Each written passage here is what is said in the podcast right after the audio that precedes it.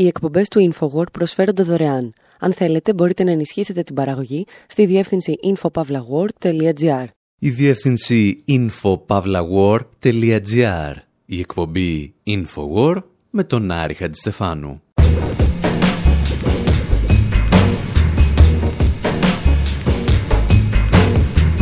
Όπου σήμερα ξεκινάμε μία ακόμη ραδιοφωνική σεζόν του InfoWord, την 12η, αν δεν μας απατάει η μνήμη μας διηγούμαστε με μικρή καθυστέρηση μια αυγουστιάτικη ιστορία την οποία δεν ήμασταν εδώ για να σας πούμε και ίσως και εσείς να μην ήσασταν εδώ για να την ακούσετε. Γιατί όσο εσείς κάνατε τις διακοπές σας, εμείς ενταχθήκαμε για μία εβδομάδα στις στρατιές που χρησιμοποιεί το Ισραήλ για να πραγματοποιεί επιθέσεις στους διαδικτυακούς του αντιπάλους. Ένας ιδιοκτήτης καζίνο που τυχαίνει να χρηματοδοτεί τον Ντόναλτ Τραμπ και τον Μπέντζαμιν Νετανιάχου μας ανέθεσε να χτυπήσουμε τον ηγέτη των Βρετανών εργατικών, Τζέρεμι Κόρμπιν.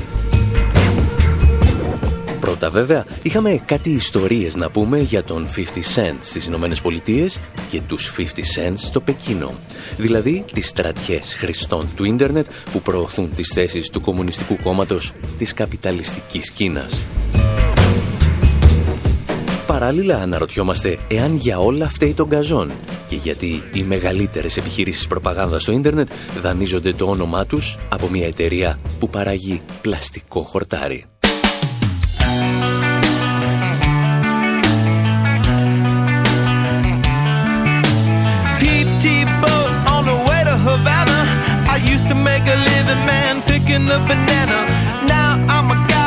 the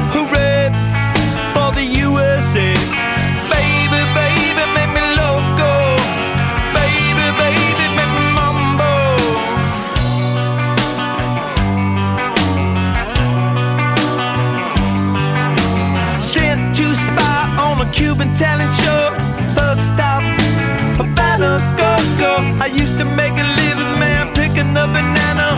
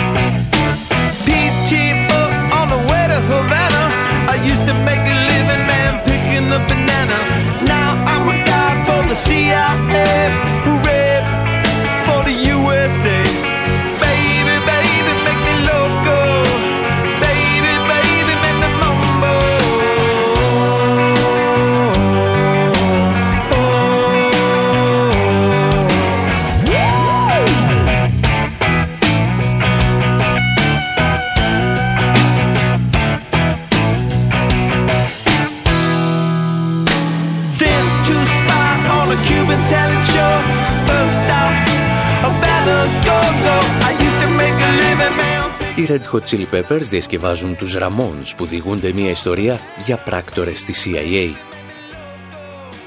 Η δουλειά μου, λέει, ήταν να μαζεύω μπανάνες, αλλά στη συνέχεια έγινα οδηγός για την CIA και φωνάζω «Ζήτω οι Ηνωμένες Πολιτείες». Ο πράκτορας για τον οποίο τραγουδούσαν οι Ραμόνς ήταν μάλλον περιορισμένων ικανοτήτων και ως εκ τούτου και αρμοδιοτήτων. Θυμίζει περισσότερο αυτό που θα λέγαμε κλακαδόρος. Αυτός δηλαδή που πληρώνεται για να επεφημεί ή να αποδοκιμάζει κάποιον άλλο. Και μια τέτοια θεσούλα αναζητήσαμε και εμείς στο μηχανισμό προπαγάνδας του κράτους του Ισραήλ. Όχι γιατί αλλάξαμε στρατόπεδο, αλλά γιατί θελήσαμε να γνωρίσουμε από πρώτο χέρι πώς ακριβώς λειτουργούν αυτοί οι μηχανισμοί, πώς στρατολογούν τα μέλη τους και γιατί κάθε φορά που κάποιος ασκεί κριτική στα εγκλήματα του Ισραήλ δέχεται ομαδικές επιθέσεις στο ίντερνετ. Φυσικά, η προσπάθεια επηρεασμού του δημόσιου διαλόγου μέσα από οργανωμένα δίκτυα προπαγανδιστών είναι παλιά όσο και οι ανθρώπινες κοινωνίες. Και γι' αυτό θα χρειαστούμε μερικά μαθήματα ιστορίας για κλακαδόρους, με τη βοήθεια των Hives.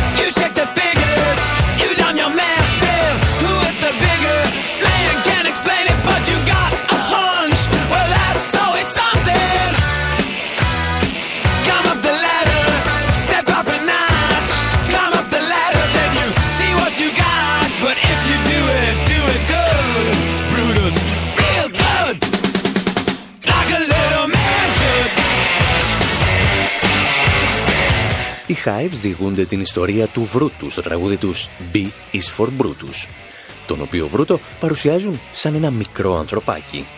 Το κάνουν δηλαδή με τρόπο πολύ πιο γκροτέσκο από αυτόν με τον οποίο παρουσίασε τον Βρούτο ο Σέξπιρ στο έργο του «Ιούλιος Κέσαρας». The noble Brutus have told you Caesar was ambitious.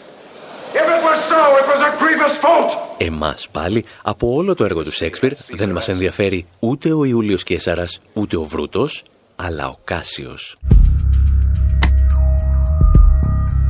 ο οποίος, αν θυμάστε, προκειμένου να πείσει τον Βρούτο να δολοφονήσει τον αυτοκράτορα, του στέλνει ψεύτικες επιστολές, τις οποίες υποτίθεται έχουν γράψει απλοί πολίτες.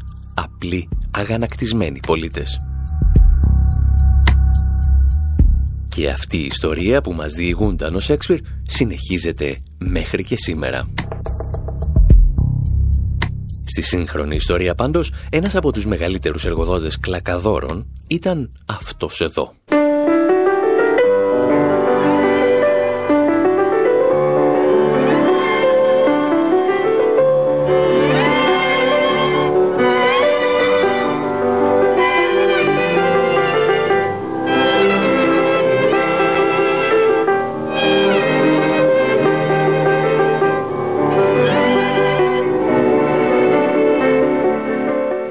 Άνθρωπος που ακούτε στο πιάνο ήταν ο πρώην πρόεδρος των Ηνωμένων Πολιτειών, Ρίτσαρντ Νίξον.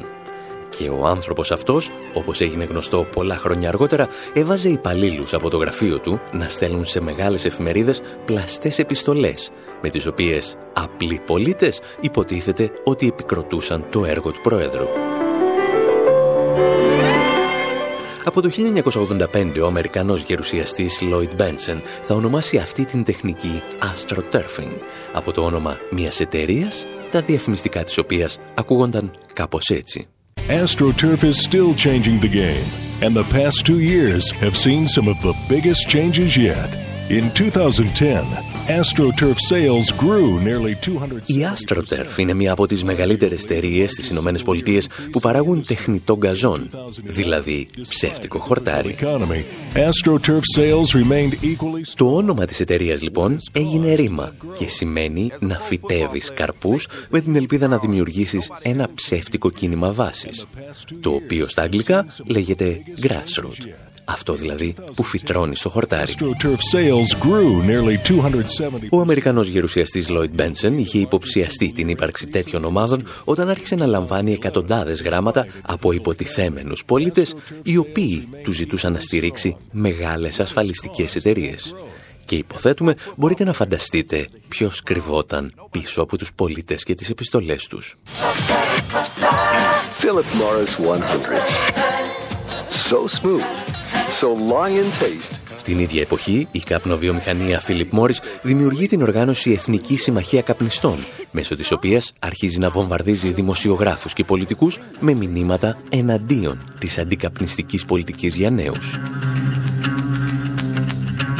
Τα πραγματικά και μεγάλα προβλήματα όμως ξεκίνησαν όταν ορισμένες εταιρείες αποφάσισαν να φέρουν και στο ίντερνετ τη λογική του astroturfing. Δημιούργησαν έτσι ψεύτικες ψηφιακές περσόνες που παρεμβαίνουν σε chat rooms και δίκτυα κοινωνικής δικτύωσης. Εταιρείες που συχνά έχουν την έδρα τους σε αναπτυσσόμενες χώρες αναλαμβάνουν να διευκολύνουν αυτή την πρακτική βάζοντας εκατοντάδες υπαλλήλους να παραβιάζουν τα μέτρα ασφαλείας σε site και blogs. Οι υπάλληλοι τους αναλαμβάνουν λόγου χάρη να πληκτρολογούν χιλιάδες κάπτσα, τις μικρές λέξεις που πρέπει να γράφουμε για να πείθουμε τους υπολογιστές ότι δεν είμαστε ρομπότ. Και οι τιμές για κάθε κάπτσα κυμαίνονται από 0,006 έως 0,008 δολάρια ανά κωδικό. Κινέζικες εταιρείες όπως η Ζουμπάζι και η Σαντάχα προχωρούν ένα βήμα παραπέρα, αναλαμβάνοντας με το αζημίωτο να παρεμβαίνουν σε δίκτυα κοινωνικής δικτύωσης και chatrooms για λογαριασμό εταιριών και κομμάτων. Και ακόμη βρισκόμαστε, αν θυμάστε, στο χώρο των ιδιωτικών εταιριών. Δηλαδή δεν έχουμε πει κουβέντα για τη δράση των κρατών στο περίφημο astroturfing. Γι' αυτό όμως θα χρειαστούμε τη βοήθεια ενός πολύ κακού, κατά την άποψή μας, rapper, του 50 Cent. I don't know what you heard about me. you can't get a dollar out of me; No Cadillac, no perms you can't see. That I'm a motherfucker, B.I.M.B. I don't know what you heard about me. But if you can't get a dollar out of me, no Cadillac, no perms you can't see. Then I'm a motherfucker, B.I.M.B. Now shorty, she in the club, she dancing for dollars. She got a thing for that Gucci, that Fendi, that Prada, that BCBG, Burberry, Dolce and Gabbana. She feed them fools fantasies, they pay her cause they want her. I spit a little G, man, and my gang got her. An hour later, had that up in the Ramada. Them trick talking in the ear saying they think about her. I got her right by the bar trying to get a drink about her. She like my style, she like my smile, she like the way I talk. She from the country, then she like me cause I'm from New York. I ain't that trying to holler cause I want some. I'm not trying to holler cause I want some bread. I could care less how she perform when she in the bed. Man, hit that track, catch a date and come and pay the kid. Look, baby, this is simple, you can't see. You rollin' with me, you rollin' with a P-I-M-P. I don't know what you heard about me. But if you can't get a dollar out of me, no Cadillac, no perms you can't see. Then I'm a motherfucker,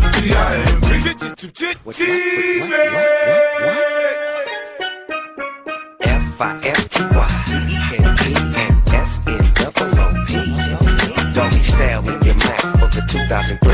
And y'all know I'm from the DP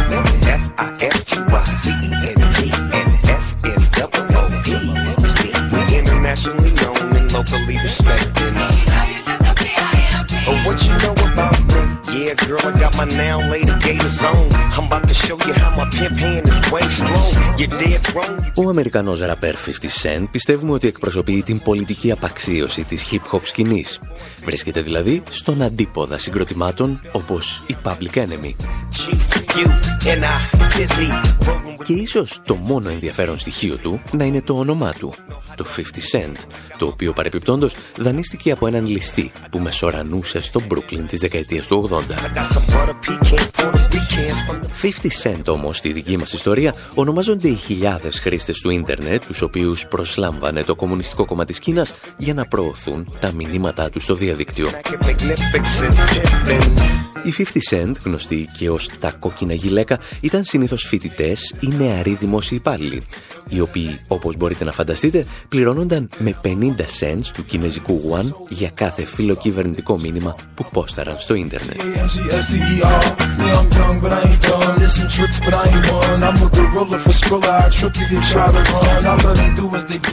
Και αν η καπιταλιστική Κίνα είχε τους δικούς της ψηφιακούς κλακαδόρους, δεν μπορείτε να φανταστείτε τι συνέβαινε στην κομμουνιστική Αμερική του νομπελίστα της ειρήνης Μπάρακ Ομπάμα. Οι πρώτες σημαντικές αναφορές για τη δράση της Αμερικανικής πολεμικής μηχανής και στο διαδίκτυο μας ήρθαν στα χρόνια των βομβαρδισμών στη Λιβύη.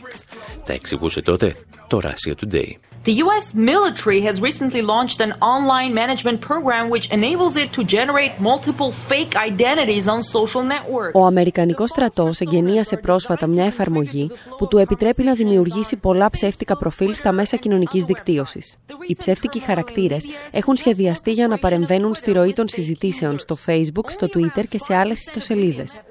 Η πρόσφατη αναταραχή στη Λιβύη αποδεικνύει το συντονισμό των ψεύτικων χρηστών του Twitter. Μόνο το 5% των κατοίκων της Λιβύης έχουν πρόσβαση στο ίντερνετ και ο αριθμός των χρηστών του Twitter είναι τόσο μικρός που οι αναλυτές δεν θα μπορούσαν ούτε να τους καταμετρήσουν.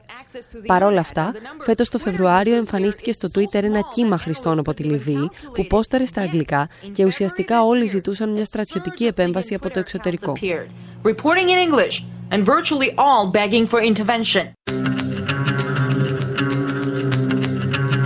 Το Πεντάγωνο λοιπόν θα δημιουργήσει ειδικούς μηχανισμούς παρέμβασης στα μέσα κοινωνικής δικτύωσης για να προωθεί τις θέσεις του. Η χώρα όμως που θα φτάσει αυτή την τεχνική στο απόγειό της είναι το Ισραήλ. Γι' αυτό και εμείς, όταν αποφασίσαμε να ενταχθούμε σε μια ομάδα διαδικτυακών κλακαδόρων για να δούμε πώς ακριβώς λειτουργεί, θελήσαμε να εργαστούμε για τους καλύτερους. Αυτά όμως και την εμπειρία μας από τους Ισραηλινούς μηχανισμούς προπαγάνδας θα σας τα διηγηθούμε στο δεύτερο μέρος της εκπομπής. Εσείς να θυμάστε απλώς ότι μας βρίσκεται πάντα στη διεύθυνση info.pavlawar.gr και μπορείτε να ενισχύετε τις δημοσιογραφικές μας αποστολές σε όλο τον κόσμο και από τη διεύθυνση maketheeconomyscream.com.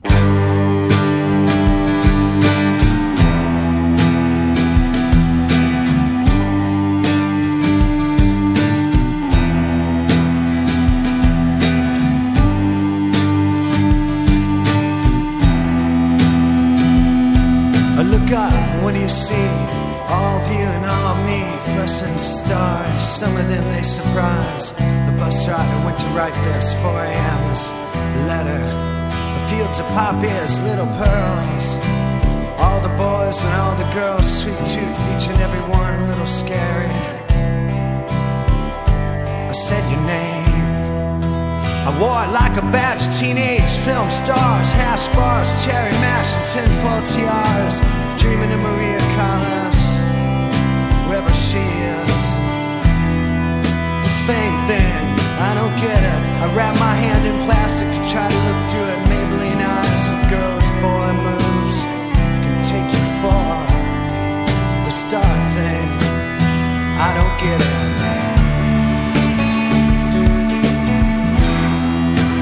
I take you over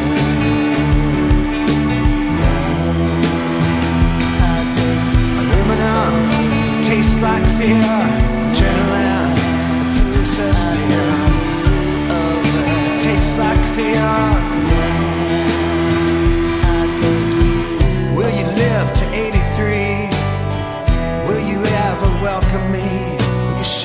something that nobody else has seen. Smoke out, drink, here comes a flood. Anything within the blood, these corrosives do their magic slowly. Sweet. Phone, eat and drink. Just another chain, cuts and dents, they catch the light.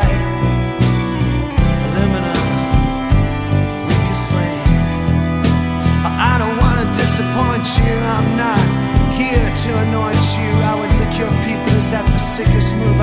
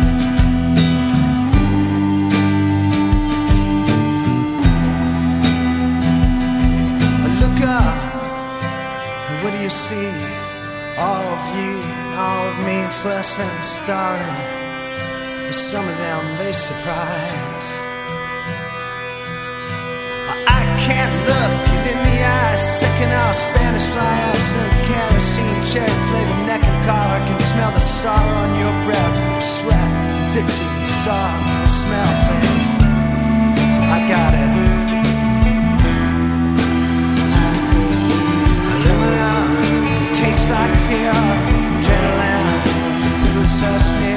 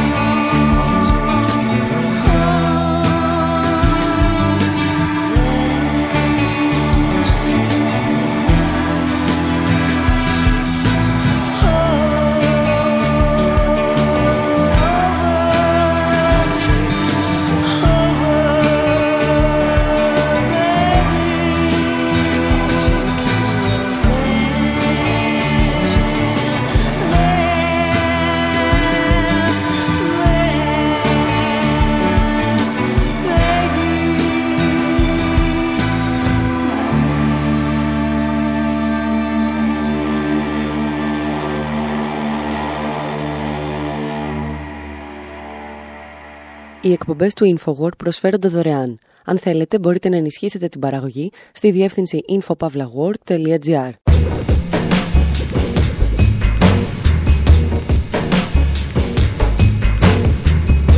Εκπομπής InfoWord, μέρος δεύτερο όπου σήμερα συζητάμε για το astroturfing, τις στρατιές ψεύτικων και λιγότερο ψεύτικων λογαριασμών στο ίντερνετ, τις οποίες χρησιμοποιούν εταιρείες, πολιτικοί και κυβερνήσεις για να προωθούν τα μηνύματά τους. Ξεκινήσαμε από τον Κάσιο του Σέξπιρ και φτάσαμε στην Κίνα με μερικές μικρές στάσεις στο Νίξον και στο Αμερικανικό Πεντάγωνο. Και έχει έρθει η στιγμή να σας διηγηθούμε τη δική μας μικρή ιστορία από την υπηρεσία μας σαν τρόλ του Ισραήλ. Γιατί αυτό το καλοκαίρι γίναμε μέλη σε μία από τις νεότερες ομάδες που προωθούν μαζικά τις θέσεις του Ισραήλ στο ίντερνετ και επιτίθενται σε όσους διαφωνούν με αυτές. Γίναμε δηλαδή μέλη της περίφημης εφαρμογής act.il. Ouch. Ouch. Hmm. La ouch, ouch, ouch, la ouch, ouch, ouch, la ouch, ouch, ouch, la ouch, ouch, ouch, la Look at me, I'm a beautiful creature. I don't care about your modern time preacher.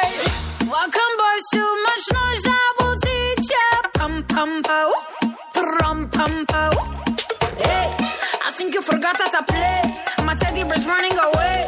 The Barbie got something to say. Hey, hey, hey, hey.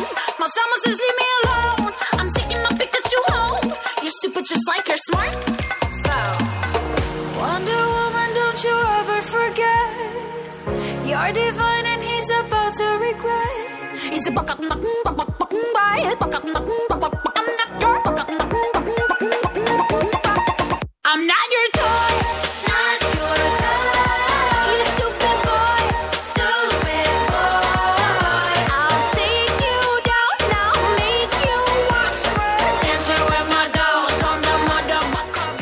Κυρία που ακούτε είναι η διαβόητη κατά την άποψή μας Νέτα η νικήτρια του φετινού διαγωνισμού της Eurovision.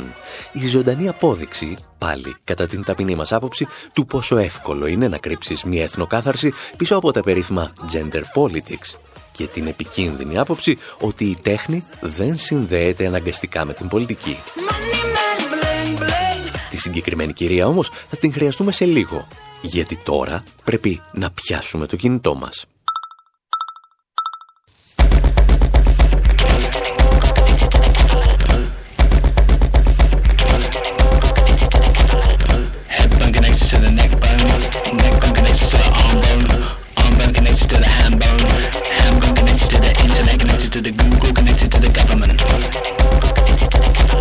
Πρωινό κάποιας Δευτέρας του Ιουλίου.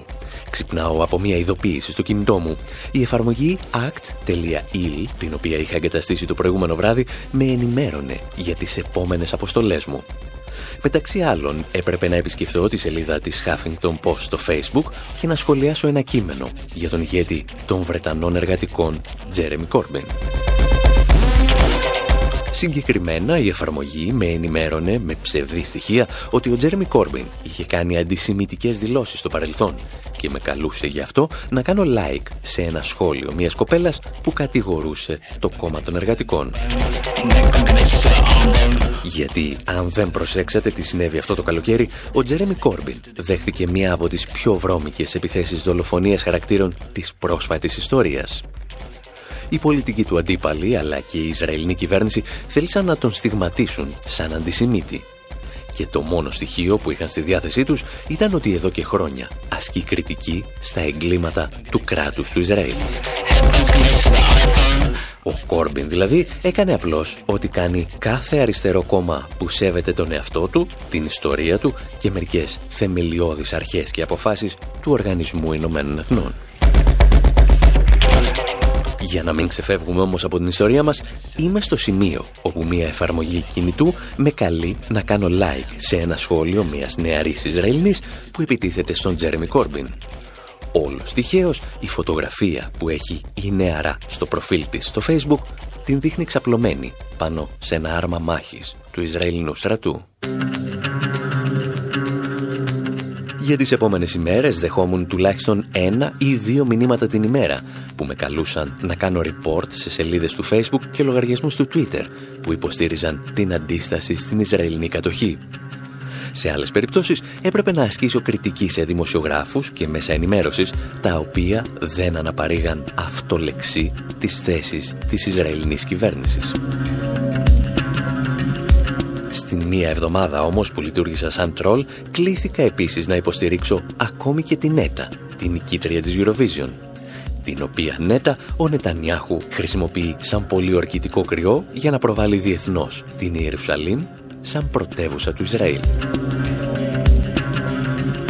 Και γι' αυτό ακριβώς θυμηθήκαμε πριν από λίγο την επίσημη συμμετοχή του Ισραήλ στη Eurovision γιατί η πιο σημαντική στιγμή του τελευταίου διαγωνισμού κατά την άποψή μας ήρθε όταν η νεαρή τραγουδίστρια δήλωσε ότι ο επόμενος διαγωνισμός θα γίνει στην Ιερουσαλήμ.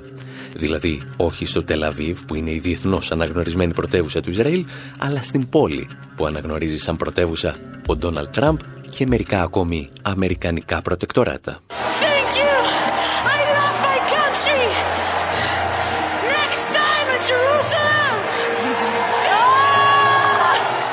Για την ιστορία, μία από τις παλιότερες αποστολές που ανέλαβαν οι χρήστες της εφαρμογής act.il ήταν να ασκήσουν πίεση στην Apple ώστε το πρόγραμμα φωνητικών οδηγιών Siri στα iPhone να αναγνωρίζει την Ιερουσαλήμ σαν πρωτεύουσα του Ισραηλινού κράτους. Και το έκαναν με αυτό εδώ το βίντεο. What is the capital city of Russia? Moscow is the capital of Russia. What is the capital city of England? London is the capital of England. What is the capital city of Germany? Berlin is the capital of Germany. Hey Siri, what is the capital city of Israel? Okay. I found this on the web for what is the capital city of Israel. Και κάπου εδώ εσείς οφείλετε να θέσετε ένα εύλογο ερώτημα. Και είναι τόσο σημαντικό, θα πείτε, αν μια τραγουδιάρα θεωρεί την Ιερουσαλήμ πρωτεύουσα του Ισραήλ και αν μια εφαρμογή κινητού καλεί τους χρήστες της να ασκήσουν πιέσεις στην Apple για να κάνει το ίδιο. Εκ πρώτης όψεως, το act.il φαντάζει σαν μια αθώα εφαρμογή Ισραηλινών εθνικιστών, οι οποίοι συντονίζονται για να προωθούν τα μηνύματά τους στα μέσα κοινωνικής δικτύωσης. Περίπου δηλαδή ό,τι κάνουν και οι χρυσαυγίτες για να χτυπούν αντιφασιστικές σελίδες. Το πρόβλημα είναι ότι αρκετά από τα ιδρυτικά στελέχη της πρωτοβουλίας, όπως ο Διευθύνων Σύμβουλος Γιαρντέιν Μπεν Ιώζεφ, έχουν περάσει από σημαντικά πόστα των Ισραηλινών μυστικών υπηρεσιών. Κανένας μάλιστα δεν κρύβει ότι η εφαρμογή ενισχύεται από το Υπουργείο Στρατηγικών Υποθέσεων, το οποίο αποτελεί πλέον την αιχμή του δόρατος στις επικοινωνιακές μάχες που διεξάγει το κράτος του Ισραήλ. Η εφαρμογή στηρίζεται από τρία Ισραηλινά ιδρύματα Παύλα Lobby, το Maccabi Task Force, το Israel American Council και το IDC Herzliya. Τα ιδρύματα αυτά με τη σειρά τους χρηματοδοτούνται από τον Ισραηλινό βαρόνο των καζίνο Σέλντον Άντελσον, ο οποίος τυχαίνει να είναι και στενός συνεργάτης και χορηγός του Ντόναλτ Τραμπ και του Μπέντσεμιν Νετανιάχου. Ένας από τους βασικούς στόχους της εφαρμογής είναι να επηρεάζει τους αλγόριθμους των μέσων κοινωνικής δικτύωσης όπως το Facebook και μηχανών αναζήτησης όπως η Google. Έτσι, ώστε τα φιλοϊσραηλινά μηνύματα να παρουσιάζονται πρώτα στα σχόλια και στις λίστες των αναζητήσεων. Άλλες φορές, οι ομαδικές επιθέσεις έχουν στόχο να αναγκάσουν το Facebook και το Twitter να κλείσουν λογαριασμούς Παλαιστινίων, αλλά και ομάδων που καταγγέλουν εγκλήματα του Ισραήλ. Για την ιστορία από τη δική μας θητεία ως τρόλ μάθαμε ότι υπάρχουν τουλάχιστον 7 ακόμη λογαριασμοί που δημιουργήθηκαν στην Ελλάδα για αυτό το σκοπό και τα ονόματά τους είναι στη διάθεση της εκπομπής.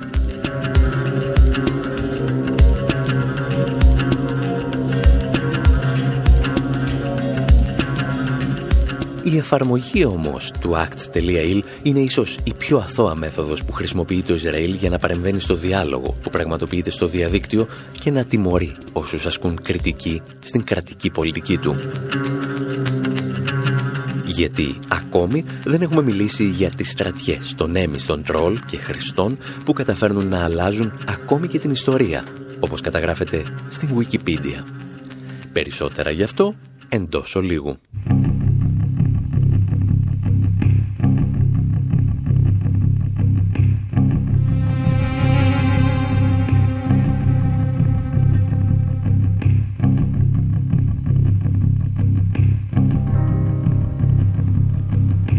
Who took your measurements from your toes to the top of your head?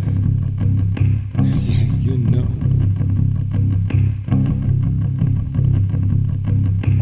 Who bought your clothes and new shoes and wrote your book you never read? Yeah, you know. Who was it?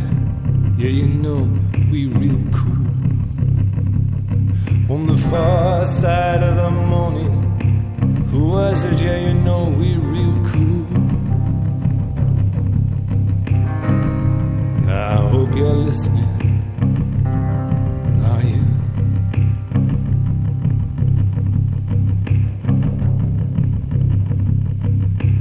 Who was it you called the Good Shepherd? Rounding up the kids for their meal. Who chased your shadow running up behind? Clinging to your high flying heels. High flying, high flying, high flying heels. Who was it? Yeah, you know we real cool. On the far side of the morning, who was it? Yeah, you know we real cool. And I hope you're listening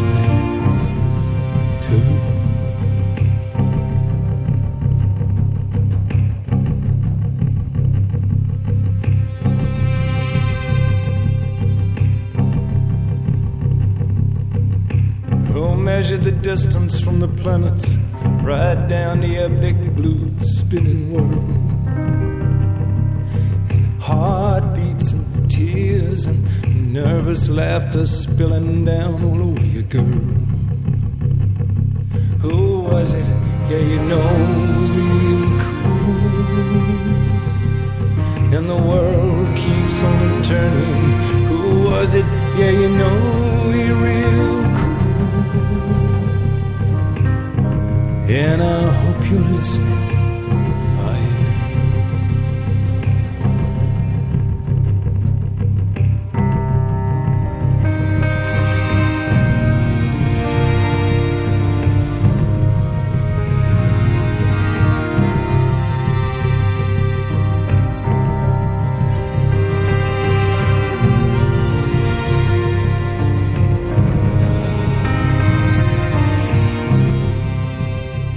Παρελθόν είναι παρελθόν και θα μείνει για πάντα έτσι, τραγουδά ο Nick Cave. Και η Wikipedia συνεχίζει, είναι ο παράδεισος όταν δεν θέλεις πια να θυμάσαι. Εάν και δεν είμαστε απόλυτα βέβαιοι τι ακριβώς είχε στο μυαλό του ο ποιητής, οι στίχοι του συγκεκριμένου τραγουδιού τυχαίνει να περιγράφουν ακριβώς αυτό που και εμείς θέλαμε να πούμε για την πολιτική του Ισραήλ απέναντι στην Wikipedia. Είναι εκείνη η στιγμή που κάποιοι θέλουν να ξεχάσουν το παρελθόν τους και η συγκεκριμένη ηλεκτρονική εγκυκλοπαίδεια είναι το καλύτερο εργαλείο που έχουν στη διάθεσή τους για να το πετύχουν. Πριν από περίπου 10 χρόνια, η ηλεκτρονική έκδοση Electronic Intifada αποκάλυψε ότι μια Ισραηλινή επιτροπή που ακούγε στο όνομα Κάμερα ξεκίνησε μια επιχείρηση για την αλλαγή ιστορικών δεδομένων στη Wikipedia. Χιλιάδες μέλη της έλαβαν εντολές να δημιουργήσουν λογαριασμούς στην Wikipedia και σε πρώτη φάση να αρχίσουν να πραγματοποιούν ασήμαντες αλλαγές σε θέματα που δεν αφορούσαν το Ισραήλ. Όπως αποκαλύφθηκε όμως από εσωτερικά email που διέρευσαν στον τύπο, στόχος ήταν η δημιουργία ενός μυστικού στρατού σχολιαστών, οι οποίοι θα άρχιζαν σταδιακά να αλλάζουν τα κείμενα της εγκυκλοπαίδειας, τα οποία αφορούσαν το Ισραηλινό κράτος. Η κάμερα μάλιστα διοργάνωσε και ένα διεθνές συνέδριο εκπαίδευσης αυτών των διαδικτυακών στρατιωτών. Τα εξηγούσε τότε ένας από τους διοργανωτές του συνεδρίου. uh, has arranged uh, instruction day for wiki editors. The goal of the day is to um, Διοργανώσαμε μία ημέρα εκμάθησης για αρθογράφου της Wikipedia. Στόχος είναι να μάθουμε στους ανθρώπους πώς να επιμελούνται κείμενα της Wikipedia, η οποία αποτελεί πλέον την υπαριθμόν ένα πηγή πληροφοριών σε όλο τον κόσμο. Παραδείγματος χάρη, αν κάποιος ψάχνει για τον στόλο της ελευθερίας που ταξίδεψε προς τη Γάζα, θέλουμε να είμαστε εκεί. Θέλουμε να είμαστε αυτοί που θα καθορίζουν τι θα γραφτεί, πώς θα γραφτεί και να εξασφαλίζουμε ότι θα είναι ισορροπημένο και σιωνιστικό στη φύση του.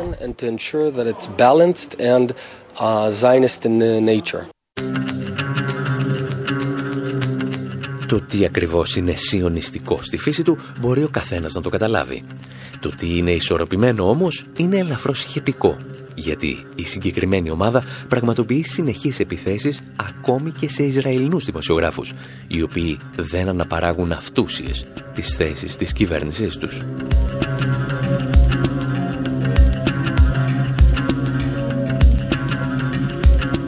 Εμείς πάλι συνεχίζουμε να εξετάζουμε γιατί κάθε φορά που κάποιος ασκεί κριτική στο Ισραήλ βρίσκεται αντιμέτωπος με στρατιές σχολιαστών που προωθούν τις επίσημες θέσεις του Ισραηλινού κράτους.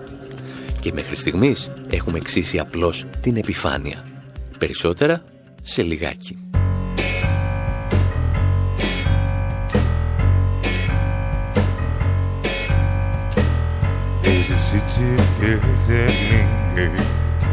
I love a man can deep into the weave of the clothes I wear.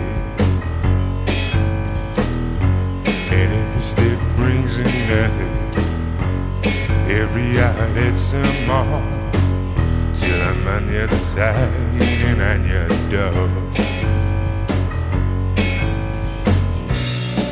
Are the taps running down? Is the air thick with steam?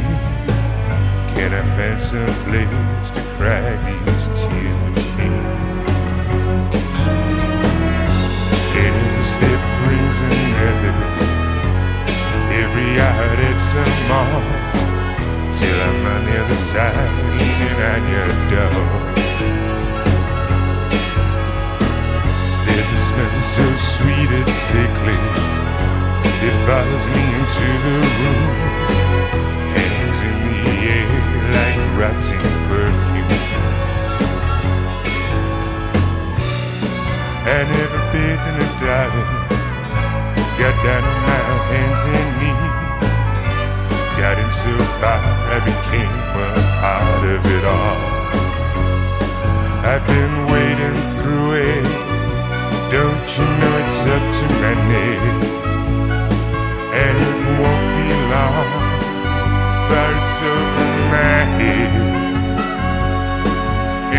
Thought of you in my mind keeps me here.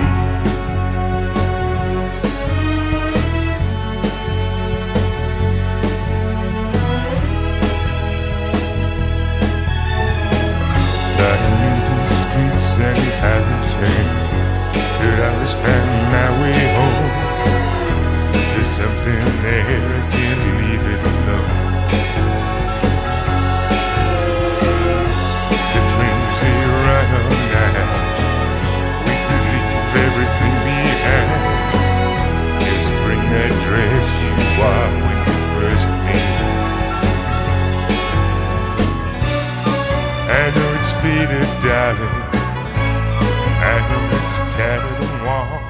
Στην πρώτη εκπομπή της νέας ραδιοφωνικής σεζόν για το Infowar επιχειρούμε ένα ταξίδι στο πλαστικό γκαζόν του λεγόμενου astroturfing, δηλαδή στις μεγαλύτερες εκστρατείες παραπληροφόρησης στο διαδίκτυο.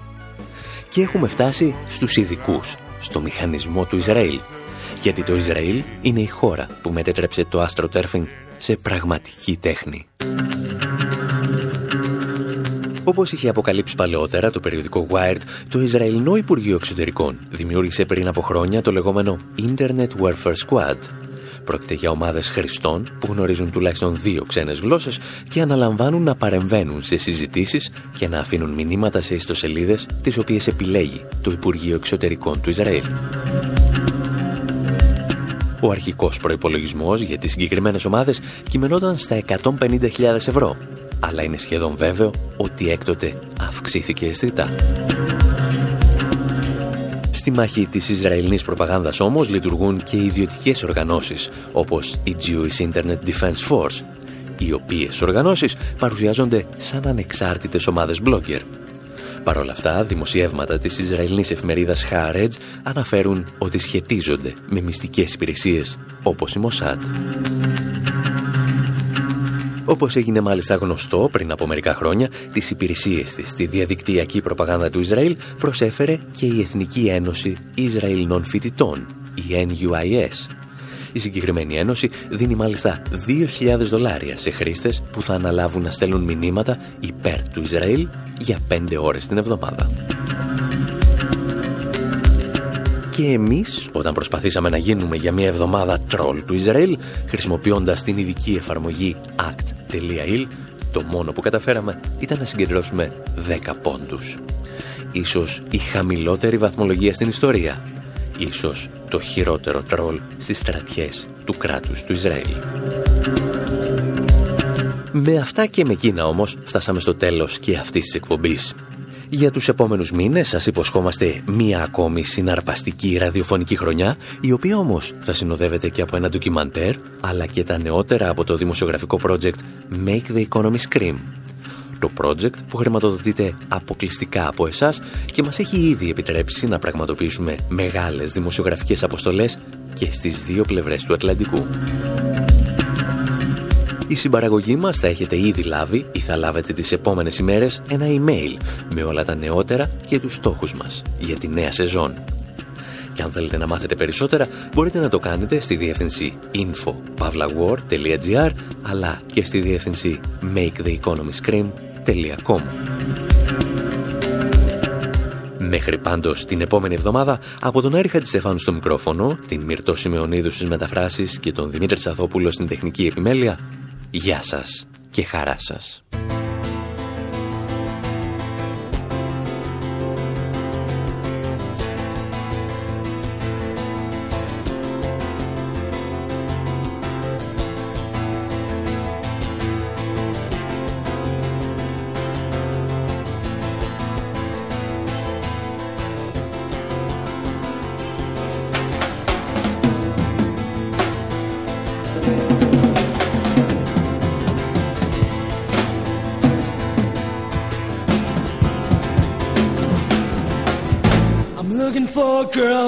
Washing machine.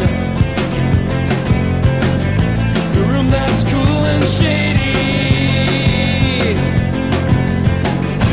Looking for a girl with a shower and a bath.